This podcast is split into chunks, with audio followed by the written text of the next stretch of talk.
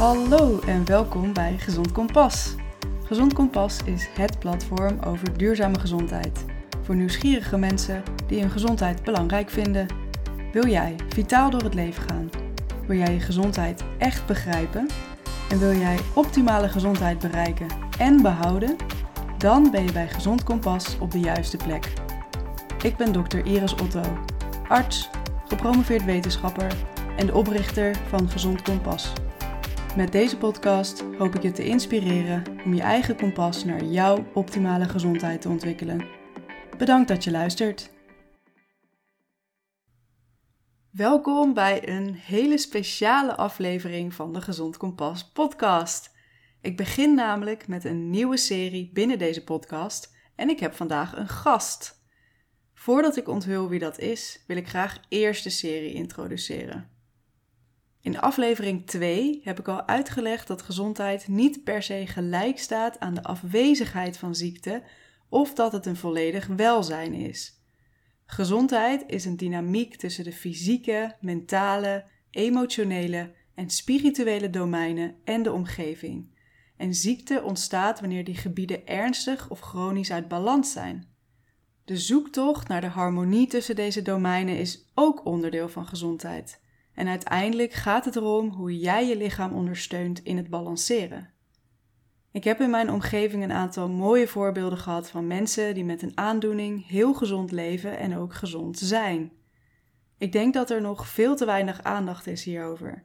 En daarom start ik binnen de podcast met een serie over gezond zijn met ziekte. Als je regie pakt over je gezondheid en dagelijks keuzes maakt die dienend zijn voor jouw welzijn, kun je ook met ziekte gezond door het leven gaan en je welzijn verbeteren op de korte en de lange termijn. Ik laat in deze serie graag rolmodellen aan het woord die in mijn ogen op een inspirerende manier omgaan met een situatie. De eerste gast is Anke Hoeben. Anke kreeg tijdens haar promotieonderzoek ineens heftige klachten, waardoor zelfs lopen en praten een uitdaging waren. Ze kreeg de diagnoses burn-out en chronisch vermoeidheidssyndroom en bleek daarnaast ook nog eens een auto-immuunziekte te hebben. Ze stopte met haar proefschrift en maakte haar gezondheid tot een prioriteit. Inmiddels gaat het een stuk beter met Anke en werkt ze met plezier als docent op de rechtenfaculteit. Ook deelt ze op haar Instagram-account anke-maaike waardevolle tips over hoe je invloed kan uitoefenen op je welzijn. Welkom in de podcast, Anke. Dankjewel, Iris. Wat een mooie introductie. Nou, fijn. Ik ben uh, heel blij dat je er bent en dat je, zo, uh, dat je wil vertellen over jouw ervaringen met uh, gezond zijn met ziekte. Jouw leven kwam een aantal jaar geleden nogal op zijn kop te staan, heb ik begrepen. En je hebt een hele uitdagende tijd achter de rug. Kun je kort vertellen wat die periode voor jou betekend heeft en misschien heeft het je iets gebracht? Ja, klopt. Het is grappig als je dat nu omschrijft van gezond zijn met ziekte. En dan gaat er bij mij zo'n belletje aan van, zie ik mezelf nog wel als ziek? Interessante vraag om jezelf eens te stellen, trouwens. En dan zijn er zeker momenten dat ik me ziek voel of, of zwak voel. Maar er zijn ook heel veel momenten, zoals vandaag, dat ik daar helemaal niet meer mee bezig ben. En dat is echt al zo'n enorme verrijking. En dat inzicht, wat jij me nu dus geeft door die vraag te stellen, is gewoon al heel erg heel mooi. Om dat over jezelf te denken van, ik zie mezelf eigenlijk niet meer als ziek. Oh, wat fijn te horen. Laat ik daarmee beginnen. Ja, ja. Uh, mijn leven kwam inderdaad nogal uh, abrupt tot stilstand. Ik uh, zat midden in mijn promotietraject. Ik was op de helft. 300 pagina's geschreven ongeveer. En um, ik kreeg de griep, dacht ik. En die ging niet over. En toen ik drie weken lang op de bank had gelegen met koorts en pijn en allemaal grieperige klachten, dacht ik, ja, dat is wel heel raar. Ik ga hem toch maar weer werken, want ik kan me niet langer ziek melden voor een griepje. Ik ging werken en ik ging naar een vergadering. Ik zat tijdens die vergadering te luisteren en ik dacht, ik begrijp niet meer wat ze zeggen. Wat is er in die drie weken met mij gebeurd? Alsof mijn hersens waren weggesmolten uit mijn hoofd. Ik kon het niet meer volgen. Dat was eigenlijk een, uh, uiteraard een heel belangrijk signaal. Ik ging naar de huisarts en die zei, volgens mij heb je een burn-out te pakken. En toen dacht ik, oké, fijn, ik heb een diagnose. Ik word de beste burn-out patiënt mm. ever en ik ben het snelste weer op de been. Nou, oh boy, was I won uh, op dat moment. Want omdat met die insteek te willen werken aan herstel van je burn-out, schiet natuurlijk niet op. Hè? Dat, dat werkt natuurlijk niet, omdat je dan precies diezelfde overtuigingen gebruikt die jou in die burn-out geholpen hebben, om daar ook weer uit te komen. Dus heel hard werken op wilskracht, dat gaat je niet helpen als je een hele zware burn-out hebt. En dat had ben ik. je daardoor eigenlijk ook uh, verder in die burn-out gezakt, doordat je dat, dat ja, eigenlijk gebruikte? Ik denk het wel, want ik wilde al heel snel meteen weer gewoon alles doen wat ik voorheen deed. En werken lag dan wel even stil, maar ik wilde wel in mijn sociale leven en zo in mijn familie alles gewoon door laten gaan. En ik wist ook nog niet precies wat ik wel en niet kon in deze nieuwe modus. Dus ik ging bijvoorbeeld naar de bioscoop. Nou, hmm. moet je je voorstellen, als je helemaal overprikkeld bent en heel moe en ga je naar een bioscoop, hoe heftig dat is. Al die geluiden en die beelden en je kunt niet weg. Nou, lag ik dus een week in bed daarna. Maar ik had dat nog niet door. Wat wel en niet haalbaar voor mij was in die tijd. En het werd dus erger, omdat ik niet luisterde naar al die signalen die ik had. En op een gegeven moment was het zo erg dat ik niet meer wist hoe ik rijst moest koken. Ik wist niet meer hoe ik de vaatwasser moest uitruimen. Dan moest ik alle laden opentrekken. Ik wist gewoon niet meer waar liggen de messen. Waar liggen de, de bekertjes? Waar liggen de glazen? Ja, was, dat, was dat ook het punt waarop je dacht, hé, hey, dit, dit, dit klopt niet en nu moet, er, nu moet er iets anders? Ja, er was wel een punt dat ik opnieuw naar de huisarts ben gegaan. En toen is de zoektocht begonnen naar wat is er aan de hand. Dus ik ging van de ene internist naar de andere internist, allemaal verschillende specialisaties. En er kwamen overal altijd wel dingen uit die niet helemaal klopten, dus die afweken van de normaalwaardes. Maar geen enkele afwijking was zo hoog dat het een verklaring opleverde voor het klachtenbeeld dat ik had. En ik weet nog dat ik iedere keer vol hoop weer naar een nieuwe specialist ging. Van misschien heeft deze man het antwoord. Misschien weet hij wat ik moet doen. Misschien heeft hij een pilletje. Nou, na twee jaar zoeken was er eigenlijk niet echt iets gevonden waar ik iets concreet mee kon. En toen kreeg ik dus de diagnose chronisch vermoeid. En bij mij was dat vooral niet met prikkels kunnen omgaan. Dus geen muziek, niet fel licht, niet heel veel mensen om me heen. Het vond ik allemaal heel vermoeiend fysieke beweging was heel zwaar. Dus een trap op een afloop kon ik niet heel vaak doen. Daar moest ik echt over nadenken. Maar ook gewoon wandelen was al pittig. Ik kon in het begin denk ik 10 minuten lopen. En uh, dus het was ook echt een fysieke uitputting. En verder had ik heel veel pijn. En pijn in mijn spieren, pijn in mijn gewrichten, pijn in mijn huid. Alsof je dus koorts hebt, maar dat had ik niet. Wat deed dat met je? Ja, het was, het was heel lastig. Niemand begreep het echt voor mijn gevoel, maar ik begreep het vooral zelf niet. En ik heb heel lang heel hard gevochten tegen die situatie. Omdat ik niet wilde toegeven aan dat dit het, dat dit het is. Maar dat vechten en het niet willen neerleggen bij hoe het op dat moment is, dat kost natuurlijk zoveel energie. En je hebt maar zo weinig energie. En ik ben ook vrij snel um, in therapie terechtgekomen, gelukkig. Maar ook dat is heel pittig en dat kost heel veel energie. Maar ook daar was het dan een cliënt die heel hard haar best deed. Dus ik ging drie keer per week en ik wilde er alles uithalen. Ik deed alle huiswerkoefeningen. Allemaal op die oude ja. wilskracht, op die oude overtuiging. manier. Ja, allemaal op die oude manier, precies. Wanneer is inderdaad het punt gekomen dat je dacht, dit gaat niet, of dit gaat niet de goede kant op en ik pak de regie terug? Ik ben eigenlijk geholpen met de regie terugpakken. Ik zat in het promotietraject, dan heb ik ook weer opgepakt na een jaar lang thuis te zijn geweest. En ik heb een hele fijne promotor gehad, echt een engel. En die zei na een tijdje, ik zie je zo borstelen met het proefschrift. Het is zo'n getrek en het kost je zoveel moeite en energie die je eigenlijk nog maar heel mondjesmaat hebt. Zullen we het eens pauzeren? Hmm. Want stoppen was toen nog echt de grote stap. Zullen we het pauzeren? En toen dacht ik, ja, ik heb geen keuze. En toen hebben we dus gepauzeerd. De afspraak was voor een half jaar. En ik vond het heel lastig, maar na een maand dacht ik, wow, wat een opluchting. Dat ik niet meer daaraan hoef te zitten iedere keer. Ja, die last viel van mijn schouders af. En dat was de eerste stap. Daarna heb ik besloten om een Mirena-spiraal te laten verwijderen. Dat was de tweede stap. Toen ging de pijn weg. Echt een verademing. Je kunt je niet voorstellen na drie jaar pijn hoe het dan is om wakker te worden dat je denkt, oh, ik kan gewoon alles bewegen zonder dat het pijn doet. Went ook heel snel trouwens. Heel raar hoe dat werkt. En daarna kwam eigenlijk corona en de lockdown. Waardoor ik thuis ging werken. En dat heeft zoveel extra energie en extra rust gebracht dat ik daarna echt in een stijllijn omhoog ben gegaan qua herstel. Dus eigenlijk doordat je door je omstandigheden gedwongen werd echt rust te nemen, dus niet eens door je eigen lichaam, want daar ben je nog heel lang tegen in gevecht geweest, maar doordat dus je professor zei, laten we het even pauzeren en dat toen vervolgens corona kwam, waardoor je wel echt moest pauzeren, heeft jou dat de ruimte gegeven om te herstellen? Ja, precies. En pas toen zag ik dat wat mijn lichaam me wilde vertellen heel belangrijk was en waar ik niet naar wilde luisteren. Namelijk dat ik nog veel meer nee moest zeggen dan dat ik al deed. En voor je gevoel zeg je al heel veel nee, hè? want ik ging al niet meer naar verjaardagen, ik ging al niet meer naar feesten, ik ging al niet meer naar borrels op het werk, naar kerstvieringen, allemaal al niet. Ik deed alleen de essentiële dingen. Maar zelfs die dingen kosten me nog gewoon heel veel energie. Dus wat ik deed, ik werkte en ik herstelde. Ik werkte en ik herstelde. Ik had een sociale afspraak in het weekend, ik herstelde. Dus mijn hele leven was iets doen voor anderen, herstellen daarvan. En dus je waarschijnlijk niet echt vitaal voelen. Niet echt een gevoel van welzijn hebben, maar nog steeds nee. in overlevingsstand. Ja, als ik dat maar doe, dan hou ik mijn baan. Als ik dat maar doe, dan zijn mensen nog steeds blij met mij.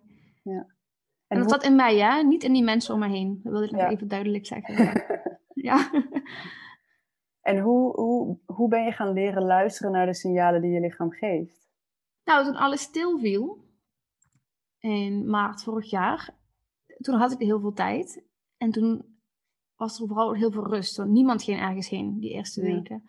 En toen merkte ik opeens, wauw, ik voel me veel beter. Ik heb minder slaap nodig. Ik sliep nog steeds 12 uur op dat moment. En ik kwam van 20 uur, dus was al een hele verbetering. En opeens stond ik gewoon met 10 uur slaap toe en nu zit ik 9. En ik merkte dus gewoon al heel snel die positieve veranderingen. En dan is het, dan is het fijn. Kijk, als je steeds wordt beloond met positieve veranderingen, dan heb je ook de motivatie om het vol te houden, om het door te zetten. Ja. Als je, maar je hebt dus ook wel het bewustzijn gehad van wat doet dit met me? Wat doet dit met mijn lichaam? Ja, en daar heb ik wel ook hulp bij gekregen trouwens.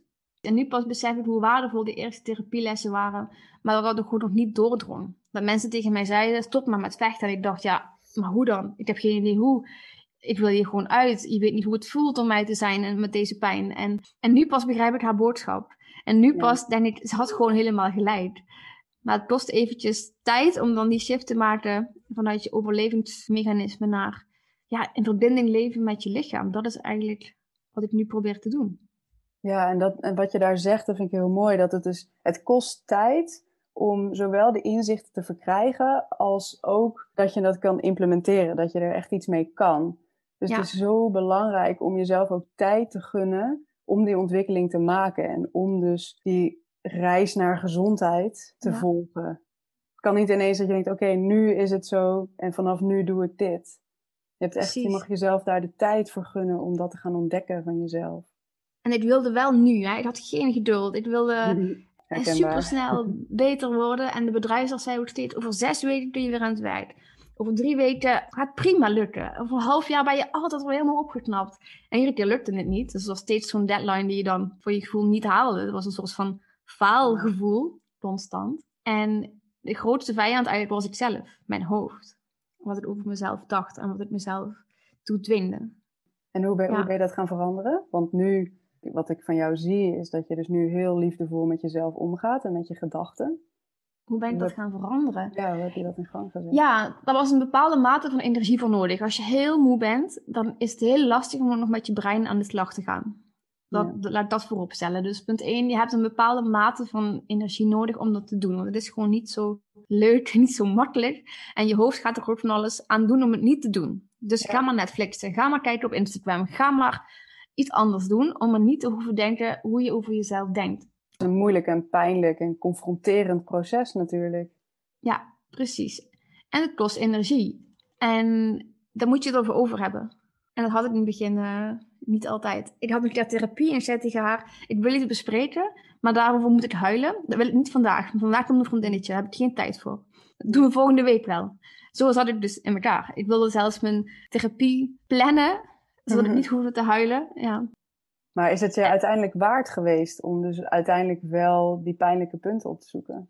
Ja. datgene wat energie kost. En ik geloof ook echt dat als jij in zo'n situatie zit, of je nou een burn-out hebt, of fibromyalgie, of chronische vermoeidheid, voor mij zijn het allemaal signalen van een diepere laag, van een diepere oorzaak. En het klinkt misschien raar wat ik ga zeggen, maar die burn-out was niet mijn echte probleem. Die CVS was ook niet mijn echte probleem. Mijn echte probleem zat namelijk vele malen dieper. En die burn-out was een symptoom. Niet van jezelf houden, enorm kritisch zijn, de lat enorm hoog leggen, heel perfectionistisch zijn, vergelijken met anderen, angstig in het leven staan, um, zorgen maken, piekeren. Maar het moeilijke daarvan is, als je dat leest, als je in die burn-out zit denken, ja, maar dat geldt voor mij niet. Dat dacht ik eerst. En daarna dacht ik, maar ik heb geen energie om dat ook aan te pakken. Dit is nou eenmaal hoe ik het doe. Ik dacht echt dat ik geen invloed had hoe ik was. Maar dat, was, dat waren mijn echte problemen. En niet zozeer die, die diagnoses die daarop zijn geplakt. Hoe het zich uitte in mijn fysieke lijf. Mijn lijf zei alleen maar, hoe, hoe, er gaat iets heel erg mis. Ja, je lijf is ontzettend wijs, hè? Op zoveel verschillende manieren kan ze je laten zien of voelen of horen wat er onderliggend allemaal gaande is. Maar je moet wel luisteren. Ja, je moet wel luisteren. Al dat soort kleine dingen die je nu denkt, die zijn heel belangrijk om naar te luisteren. Keelpijn had ik altijd. Het was heel vaak verkouden. Ik sliep slecht. En wat ook nog was, en achteraf denk ik dat ik daar niet naar geluisterd heb. Ik moest altijd vroeg op om met de trein uit werk te reizen. En ik stond op en toen viel ik hier beneden in de woonkamer flauw van vermoeidheid. En toen kwam ik bij en toen dacht ik, oké, mooi, dan kan ik nu weer gewoon naar het werk. En dat is niet één keer gebeurd. En achteraf denk ik ook, ja, het, het had gewoon zo moeten gebeuren. Ja, die signalen die, worden, die beginnen klein en die worden steeds groter. Tot het, tot het moment dat je ernaar gaat luisteren. Totdat je ze niet meer negeert. En denkt, oké lichaam, wat is er aan de hand? Precies. En je zei net ook nog, die weg van ziekte naar gezondheid. Hoe voelde je je daarbij? Je kunt ook gelukkig zijn als je nog steeds klachten hebt. Ja, mooi. Het heeft mij ook wel een tijdje geduurd dat ik dat uh, voor elkaar kreeg trouwens. Want nu is het, ik praat nu van een soort achteraf perspectief. Dus het is altijd heel makkelijk om dingen uit te leggen. Maar als je er middenin zit, is het echt heel anders. Die erkenning wil ik iedereen geven. Maar je kunt nog steeds iedere dag op zoek naar dingen die jou blij maken. Ja. Dat is maar iets heel kleins. En daar voorrang aan geven. En daar prioriteit aan geven. Zodat je die geluksmomenten nog blijft zien. En die gelukstofjes ook blijft aanmaken. Want daar draait het uiteindelijk om. Mooi. En mooi dat je dat inderdaad ook nog even aanstipt. Dat je ook al ga je door een hele moeilijke periode dat je nog steeds tot op een bepaalde hoogte regie kan hebben over hoe je je voelt. Ja. En dus hoe, hoe gelukkig of gezond je je voelt. Moet ik wel een disclaimer bij vermelden. In december had ik zware dagen, zware weken. Hmm. En na, na, een paar weken dan merk ik wel dat ik dan denk... Moi, ik zou nu al graag weer willen dat er weer meer energie kwam. Want met meer energie is het gewoon allemaal fijner. Is het gewoon allemaal makkelijker. Kun je meer doen wat je wilt. Dus in die zin is het gewoon makkelijker om positief in het leven te staan met een bepaalde mate van basisenergie. Maar je hebt altijd een keus. Je kunt je altijd focussen op waar wil ik heen in plaats van wat wil ik niet meer. Je kunt je altijd focussen op, op de dingen waar je dankbaar voor bent. En die voeden. Ja. Is dat ook wat jij zou adviseren aan mensen die zich herkennen in jouw situatie van zoals dat het twee jaar geleden was? Is dat het eerste waar ze zich op kunnen richten? Of zou je nog iets anders adviseren voor als je echt diep in dat dal zit, waar je dan op kan richten, waar je dan op kan focussen richting je herstel? Ik ben begonnen met mijn ademhaling, omdat ik dat toch moest doen. Ja, je moet ademen. En dat kun je blijkbaar optimaliseren. Ik ademde niet optimaal voor mijn lichaam. Ik ademde namelijk heel hoog en heel snel. Waardoor mijn hartslag ook altijd vrij hoog was. Dus als ik op de bank lag en ik keek naar een serie en ik dacht, oh, ik ben aan het ontspannen. Ondertussen was mijn hartslag was 110. Voor andere mensen is dat alsof je buiten echt flink door bent. Daar ben ik mee begonnen. En dus echt mijn ademhaling optimaliseren. En dat is heel erg laagdrempelig. Dat kun je gewoon de hele dag doordoen. Het kost niet heel veel energie. Je hoeft er niet voor naar buiten. Niemand merkt het. Dus dat is mijn allereerste tip en mijn allereerste stap. Om die, die hartfrequentie vooral wat lager te krijgen. Waardoor je lichaam ook de kans krijgt om te herstellen. Ik dacht, ik rust. Maar mijn lichaam was gewoon heel hard aan het werk. Dat is de eerste stap. De tweede stap was voeding. Je moet toch eten en drinken, net zoals ademen. Dus daar ben ik veranderingen in gaan aanbrengen. En dan wil ik wel zeggen dat ik altijd heel gezond at hoor, maar niet van mij. En ik denk wel echt dat het belangrijk is om uit te voeren wat voor jou de goede voeding is. En hoe vaak jij wilt eten en waar jij het goed op doet. Dus daar ben ik aan gaan werken. Ik denk dat dat inderdaad een heel belangrijk punt is. Dat je leert wat voor jou voor jouw lichaam en, en voor jouw geest en voor jouw welzijn de soorten voeding en ook de manier van, van eten en hoe vaak en hoeveel voor jou het meest passend is.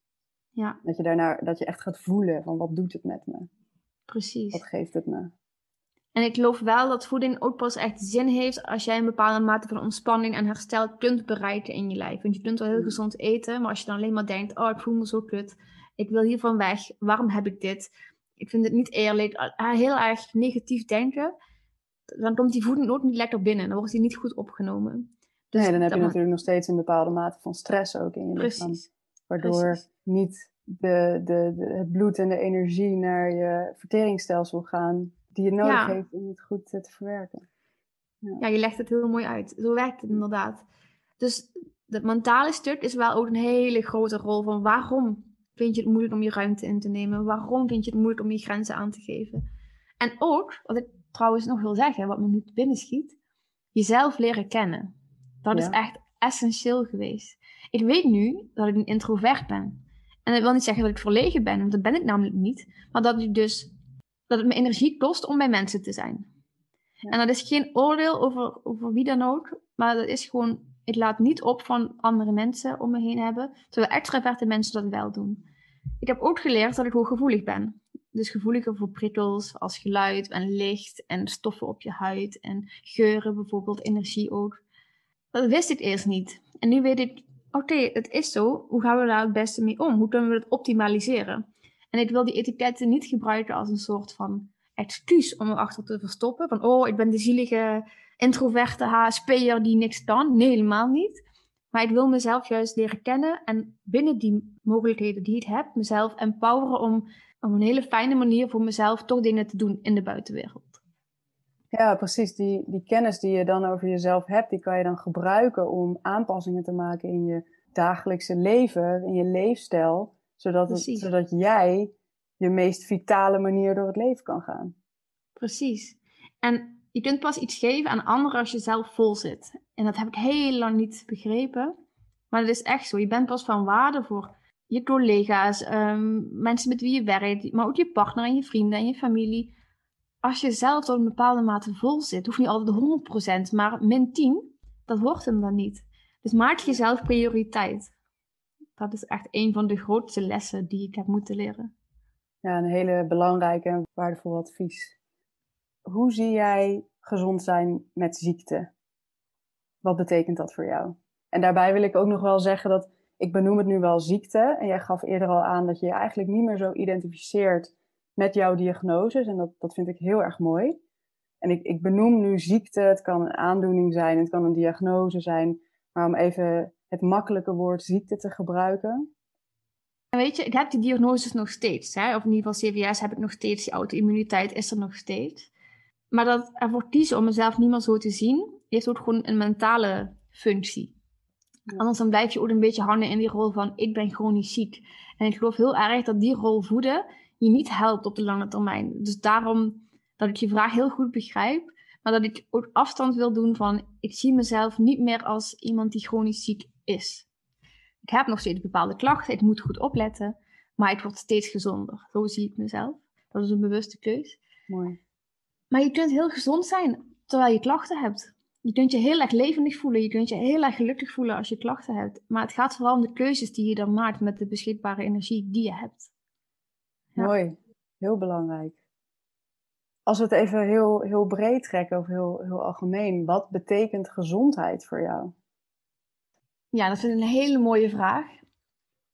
Gezondheid in optimale vorm betekent voor mij dat ik het leven kan leiden wat ik graag wil leiden. Dus dat ik in verbinding ben met mijn lijf, luister naar mijn lijf en dingen kan doen die mij gelukkig maken. Dat van mij verbinding kan voelen met de natuur, met de hond, met mijn partner, met mijn vrienden. En me niet beperkt voelen. Kijk, ik ben nu heel optimistisch, maar er is ook nog steeds een wens om te groeien. Om beter te worden. Ik moet nog steeds iedere dag rusten bijvoorbeeld. Doe het met liefde.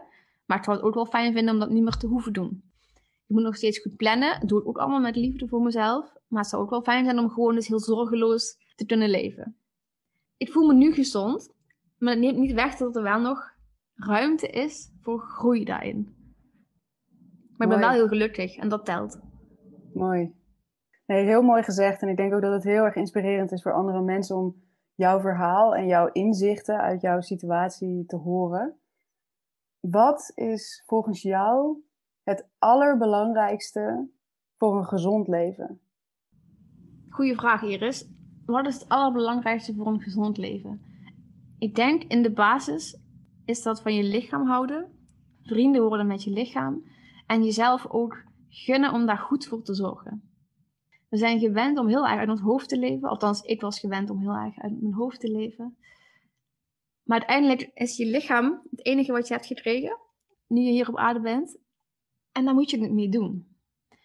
Het allerbelangrijkste is om uit te zoeken wat voor jou goed werkt. En niet pas als je een enorme weekopkal krijgt, zoals ik dan met mijn burn-out of andere mensen met diagnoses, maar echt wel voorafgaand jezelf dat gunnen. Ik zie het echt als jezelf iets gunnen. Mooi, ja, dat is het ook. Gezondheid is zo'n zo'n fundament voor een, voor een gelukkig leven. En daarin, het is belangrijk dat je jezelf dat gunt, inderdaad. Gun het jezelf. Precies, gun het jezelf, ja. ja, en niet pas als het heel moeilijk is, omdat er al alle klachten ontstaan zijn, maar begin daar op tijd mee. Ja, mooi. Nou, ik vond, het, uh, ik vond het een heel leuk en inspirerend gesprek. En ik denk ook dat uh, het voor de mensen die luisteren ook waanzinnig inspirerend is. Dus ik wil je heel erg bedanken, uh, Anke. Nou, jij bedankt dat je me hebt uitgenodigd. Heel graag ja, gedaan. Ik vond het heel, heel tof. Dankjewel. En tot gauw. Tot snel. Dit was de eerste aflevering in de serie Gezond met ziekte. Te gast was Anke Hoeben. Zij heeft drie jaar lang gevochten tegen ziekte en heeft inmiddels een modus gevonden om met haar klachten om te gaan en wel op een manier die het meest dienend is voor haar welzijn. Ik denk dat dit een heel waardevol gesprek is voor mensen die zich in haar verhaal herkennen, maar ook voor mensen zonder ziekte. Haar belangrijkste advies is namelijk om naar de signalen van je lichaam te luisteren en op een liefdevolle manier verantwoordelijkheid te nemen voor je gezondheid. Wat ik zo waardeer aan Anke is dat zij heel open deelt over haar situatie om zo het taboe rondom ziekte te doorbreken.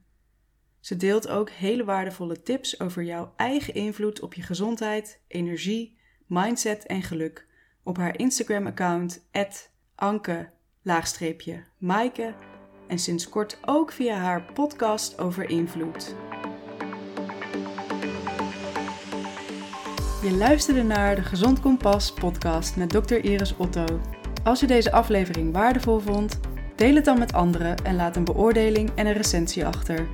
Dit helpt ontzettend om de podcast te laten groeien en ik waardeer je moeite heel erg. Abonneer je op dit podcastkanaal om op de hoogte te blijven van nieuwe afleveringen en volg het Gezond Kompas op Instagram. Voor alle artikelen, downloads en andere handvatten voor een duurzame gezondheid, ga naar gezondkompas.com. Nogmaals bedankt voor het luisteren en tot de volgende keer.